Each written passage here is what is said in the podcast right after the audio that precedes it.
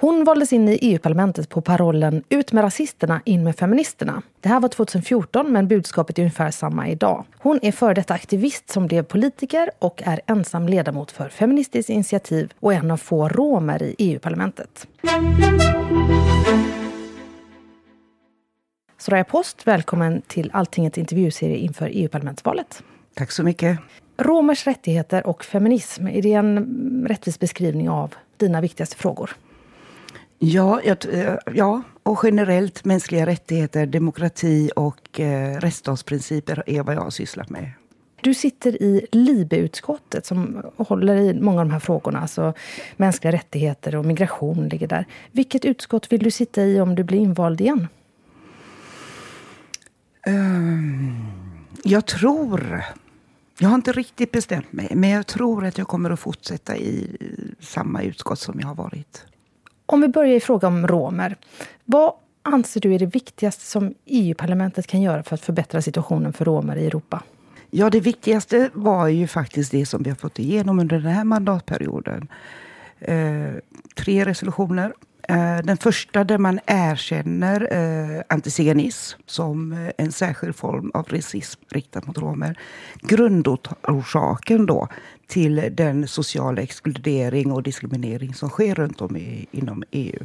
Så det var väldigt viktigt. Och sen så att, att överhuvudtaget lyfta det så högt på den politiska agendan och fått så stor majoritet i, i Europaparlamentet för frågorna så har varit väldigt viktiga. Och även att kommissionen har tagit åt sig så mycket av det som jag har beskrivit i mina rapporter. Jag har ju även jobbat med budgeten också. Du vet att vi har ju eh, MFF då, den sjuåriga budgeten. Där har jag ju fått igenom en hel del saker när det gäller det. Då pratar du om resolutioner från EU-parlamentets sida, alltså opinionsbildning mer än eh, konkreta lagar. Eller är, finns det någon konkret regel eller lag som ni har klubbat? Nej, det är ingen lagstiftning. Den finns ju tidigare och det är ju den jag har gått in i och förbättrat så att säga. Via de här eh, resolutionerna då kan man säga. Och eh, visa på att alla parlamentet kräver det här utav kommissionen.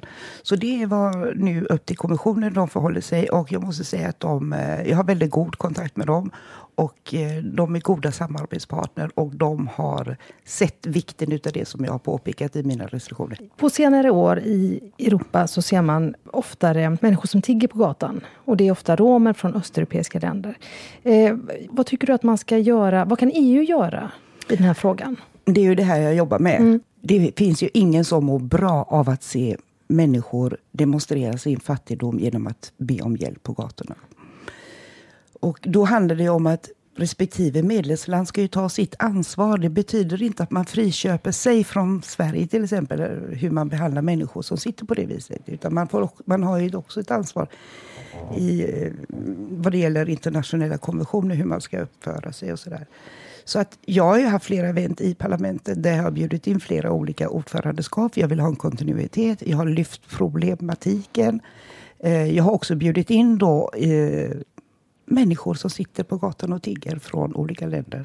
Som befinner sig i Sverige idag, runt om i, i Belgien, i Frankrike. Där de har fått berätta sin eh, historia. Och eh, det har ju gjort att det har blivit en annan form av eh, uppmärksamhet och lyhördhet hur man ska kunna jobba med det här.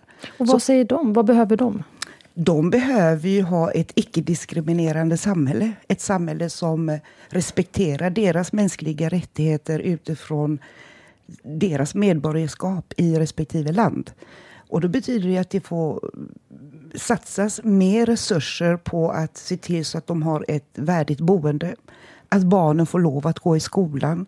Att det finns transport från boende till skolor att hälsovården skärper till sig, att den inte är diskriminerande. Att arbetsmarknaden öppnar upp för romer också.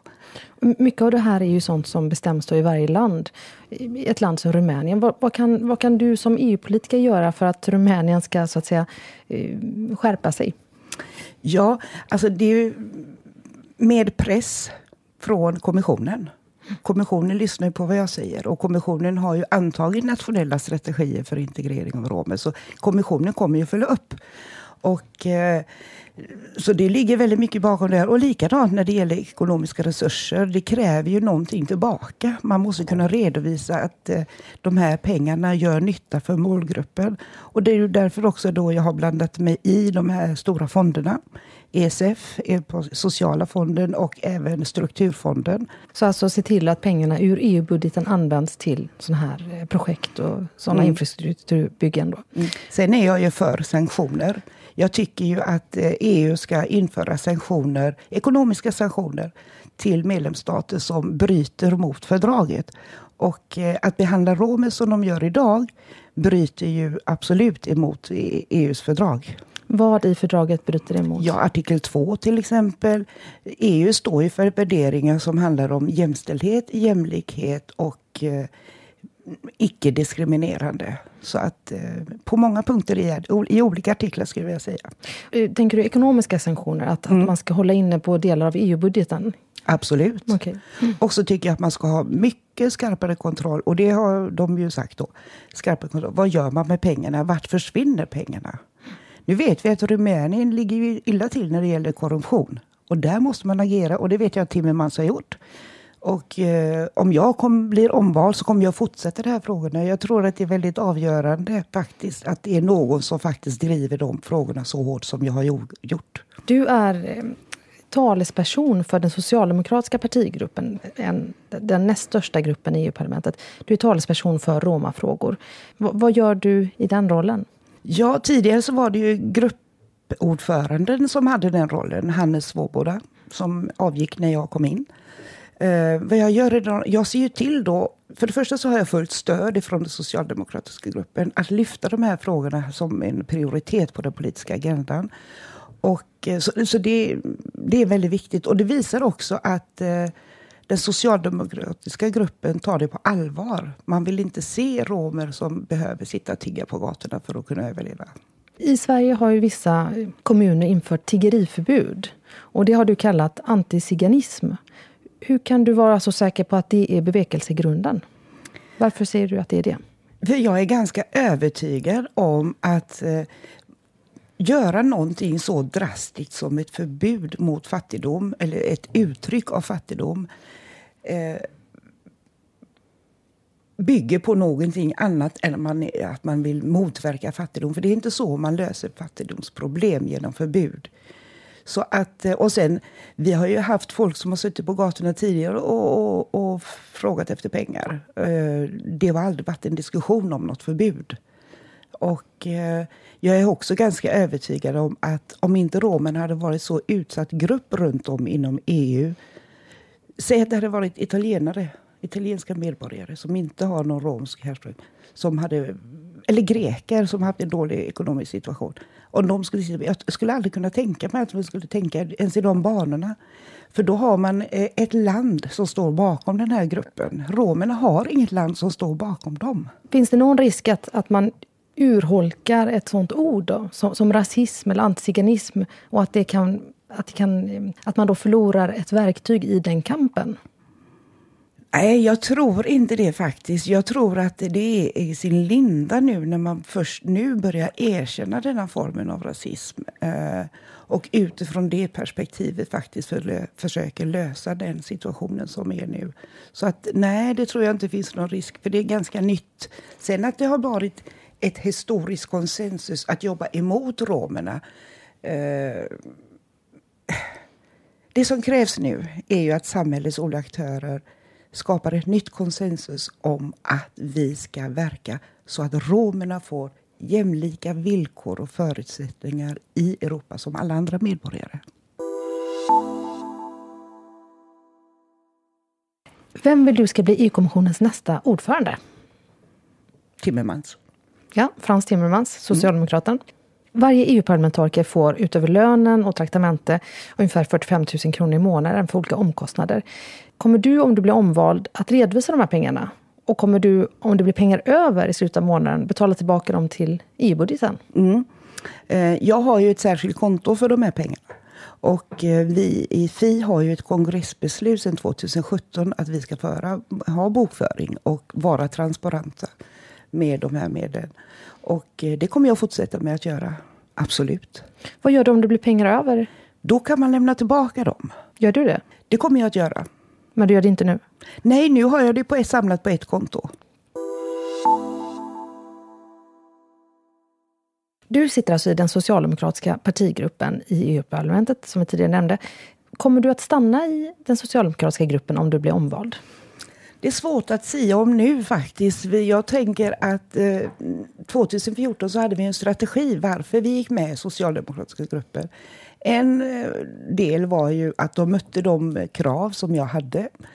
Eh, en annan del var ju att det var den näst största gruppen och vilket betyder att med min påverkan inåt gruppen så att jag kan få stöd för den politik som Fi står för var ju det som gjorde att vi gick med Socialdemokratiska. Vi hade ju också förhandlingar med andra politiska grupper, mindre grupper.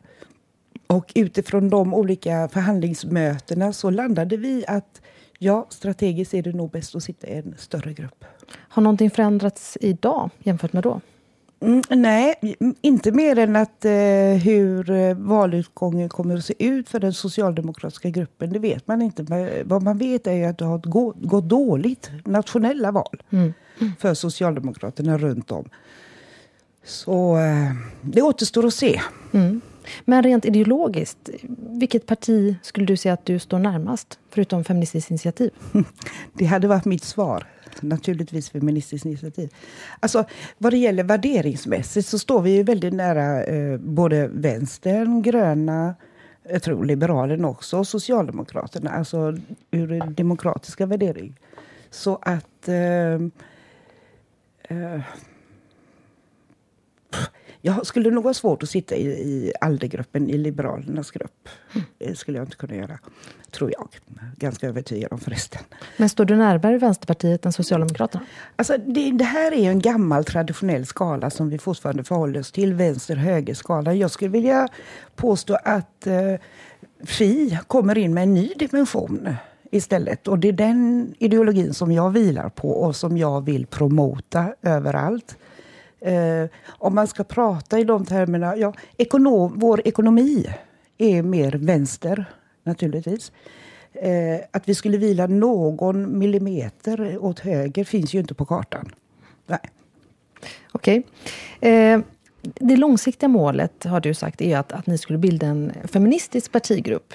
Och jag har sett att du har haft lite sonderingar eh, de senaste månaderna med andra grupperingar i andra europeiska länder. Hur ser det arbetet ut? Finns det några renodlade feministiska partier mm. i Europa?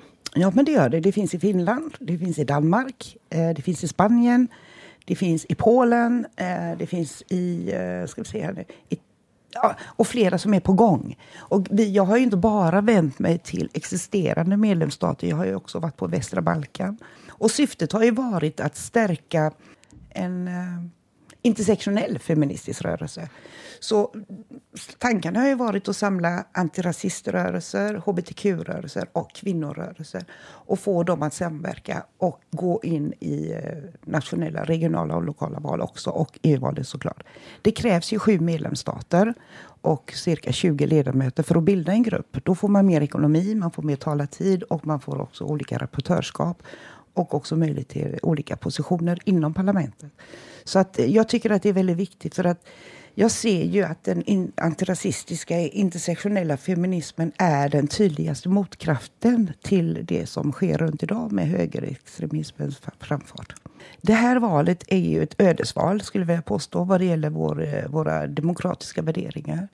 Och jag ser en stor fara i att eh, de krafter som fram tills ganska nyligen har varit EU-skeptiska och försökt att rasera hela, rasera hela EU-projektet utifrån har nu valt att säga att de är pro-EU med en strategi att komma in och rasera inifrån. Och det finns stora möjligheter för dem att göra det. Jag tror att det kommer att bli svårt att få driva igenom politik vid röstningar eh, nästa mandatperiod. För blir de många så kommer de att blockera. De kommer att trycka nej. Så, och då har man ju på ett sätt raserat inifrån. Så att då kanske EU till slut blir överflödigt för vi kan ju inte producera politik i alla fall. Och då är jag särskilt orolig inom vissa områden och då handlar det ju mest om mina hjärtefrågor så att säga. Jämställdhet, jämlikhet och eh, klimatet. Det är en svår mandatperiod. Därför så tycker jag, det här måste jag få tillägga. Därför tycker jag det är så svagt, och då kan jag bara vända mig till våra svenska politiska partier, att de nästan totalt tar bort sina erfarna EU-parlamentariker och sätter en hel, nästan helt nya listor. För jag tror att det, det tar ett tag innan man kommer in i, i parlamentets rutiner. Och vi har inte råd med det. Så det är väldigt synd. faktiskt. Vad tror du att det beror på? Ja, jag tror att det är brist på medvetenhet om... Eh, eller att man inte har gjort en riktig rejäl politisk analys av läget inom EU. Och eh, det är förvånande och jag tycker att det är oerhört oansvarigt.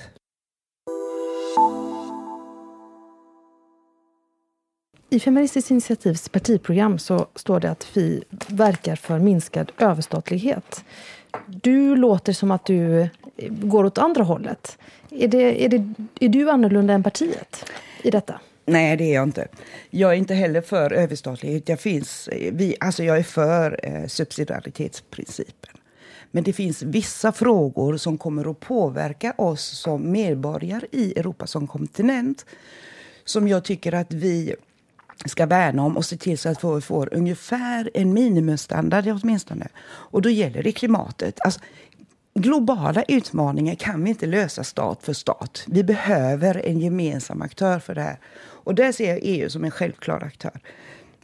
När det gäller sociala frågor, när det gäller eh, de hållbara utvecklingsmålen, Agenda 30, 2030, när det gäller jämställdhet, när det gäller diskriminering, rasism. Alltså det finns frågor, sen behöver man inte gå in ner i detaljer. Det, det tycker jag man måste kunna lämna till medlemsstaterna. Tillbaka till klimatet. Vad, vad rent konkret tycker du att EU-parlamentet ska göra under den här mandatperioden? För det är väl en liten ödesmandatperiod? Ja, det är det absolut. Alltså först och främst så måste EU verkligen eh, försöka driva igenom Parisavtalet och det man har förbundit sig med där. Jag tror att EU också behöver sänka eh, koldioxidutsläppsmålet. Man satt 2050, tror jag. Jag tror att vi behöver satsa på 2040. Okay. Eh, jag tror att det är väldigt bra, och jag skulle vilja promota det och kommer att driva det, att det finns stort behov av eh, ett höghastighetståg med gemensam, eh, hur ska man säga, eh, bokningssystem och allt det här så att människor har en lättare möjlighet att kunna välja just det alternativet och inte flyga kanske lika mycket då, hoppas vi ju på. Sen så är inte vi inom Fi emot en eh, koldioxidskatt. Men däremot är vi väldigt intresserade av vad det, den skatten ska användas till. Och vi ser det då som självklart att det ska användas till den här klimatomställningen då, som krävs. Vi ser också att man skulle satsa på mer vad det gäller jordbruk, eh, vad det gäller mer lokalt. Eh, och eh, vi vill ju också att man ska odla vegetabiliska fetter för människor och inte för köttindustrin. För att gå tillbaka, du sa koldioxidskatt. Pratar mm. du nu om en EU-skatt eller en Mm. svensk skatt? Nej, EU, EU-skatt. För där, då är det väl ändå eh, fråga om att ge ganska mycket ny makt till EU-nivån? Ja, men det handlar om klimatet. Vi Okej. måste göra det. Vi måste, det hjälper inte om Sverige är jätteduktiga hemma och så är man dåliga någon annanstans. Och Sverige är ju inte så jätteduktiga hemma. Ja, i själva hemma här i Sverige, ja. Men eh, de ekologiska fotavtrycken som Sverige lämnar efter sig är ju näst sämst efter USA. Så att eh, vi har många... Vi, vi, vi måste tänka lite större, tänker jag. Vi måste veta var vi producerar, vad vi handlar in och, och sådär. För vi är dåliga på det. Skattepolitiken på EU-nivå kräver enhällighet mellan de 28 länderna. Ser du någon möjlighet att, att det skulle kunna gå? Att 28 regeringar skulle gå med på det? Som det ser ut idag så har 28 regeringar, det blir väl kanske 27 då, har ju svårt att komma överens om någonting överhuvudtaget. Just som det är på grund av det här olika politiska, eh, alltså det här politiska läget som är. Där vi ser nationalister, klimatförnekare, icke-demokratiska eh, yttringar. Gör det ju väldigt svårt. Eh, vi har ju först och främst har vi sett det när det gäller migrationspolitiken och asylpolitiken. Ehm, så det kommer att bli svårt, men det innebär ju inte att vi ska ge upp. Vi måste ju kämpa för det. Vi måste ju öka den här medvetenheten. Vi måste ju folkbilda medborgarna också om det politiska läget. Vad det är för hot vi står inför, bland annat. EU har en eh, möjlighet till att verka för ett bra samhälle i framtiden för så många fler än bara oss här på den här kontinenten. Jag kan se EU som en lite större internationell aktör. Det är konflikthärdar runt om den här globen och eh, jag skulle vilja se EUs eh, engagemang som en eh, fredsbejakande aktör mycket kraftigare en aktör som, som sprider jämställdhet, som, sprider, som driver fred, som driver demokratifrågor, som driver rättsstatsprinciper och social rättvisa för alla människor. Och som också driver en riktig eh, akut klimatpolitik. Okej, det får bli sista ordet. Soraya Post Soraya Post, stort tack för att du var med i Alltingets intervjuserie inför EU-parlamentsvalet. Tack för att jag fick vara med.